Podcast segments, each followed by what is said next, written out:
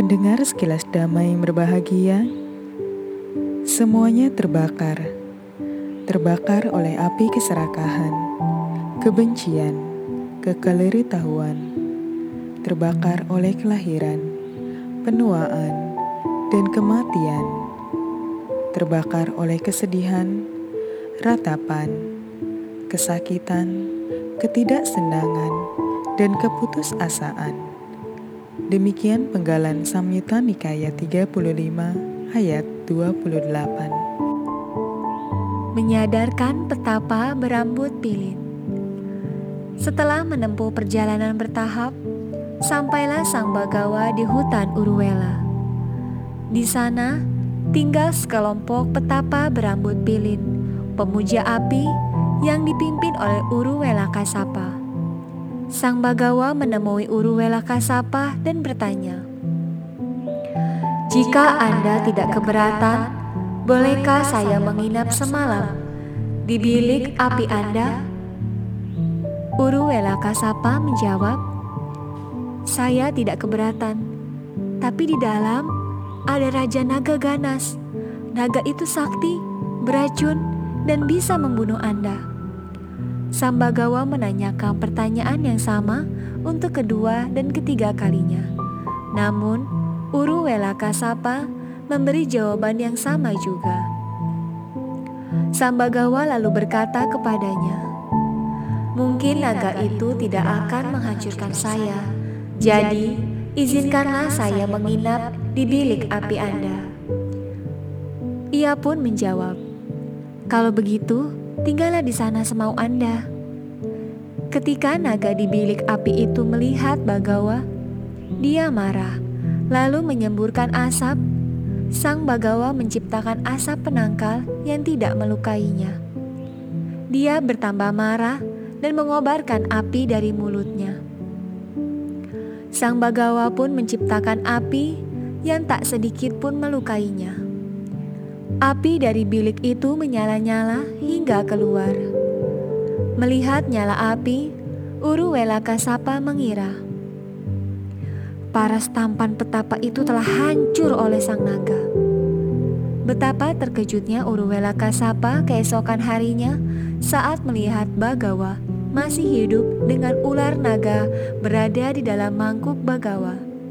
Ia lalu berpikir, "Petapa ini sangat sakti, tapi ia bukan arahanta sepertiku." Uruwela Kasapa memiliki pandangan salah. Ia mengira dirinya seorang arahanta. Sang Bagawa tinggallah cukup lama di Uruwela untuk menyadarkan dengan mempertunjukkan berbagai keajaiban. Namun, Uruwela Kasapa tetap berpikir. Petapa ini sangat sakti, tapi ia bukan arahanta sepertiku. Suatu ketika, badai dan banjir hebat melanda hutan Uruwela. Uruwela Kasapa khawatir Bagawa terhanyut banjir.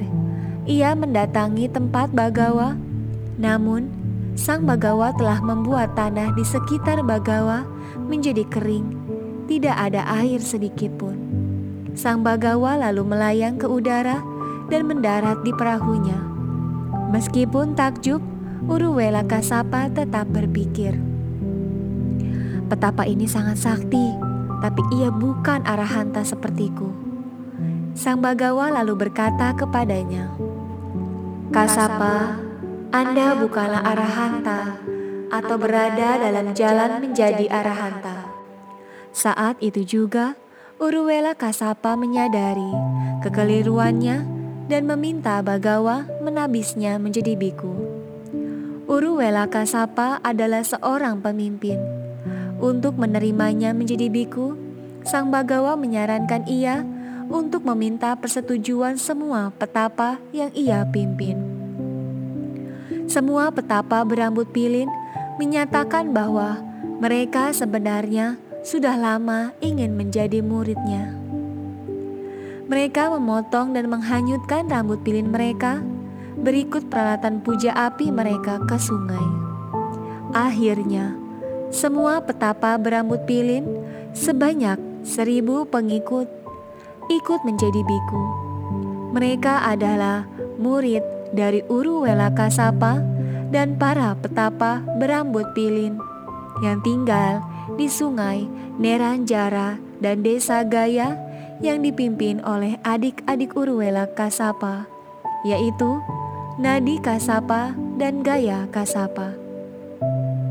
Oleh sebab itu, Sang Bagawa memberi Uruwela Kasapa gelar Biku yang unggul dalam pengikut. Nantikan sekilas dhamma episode berikutnya yang berjudul Pembabaran mengenai silih terbakar. Sekilas dhamma spesial kisah hidup Sang Tata Gata akan hadir selama 100 hari menyambut Hari Waisak 2562 tahun 2021.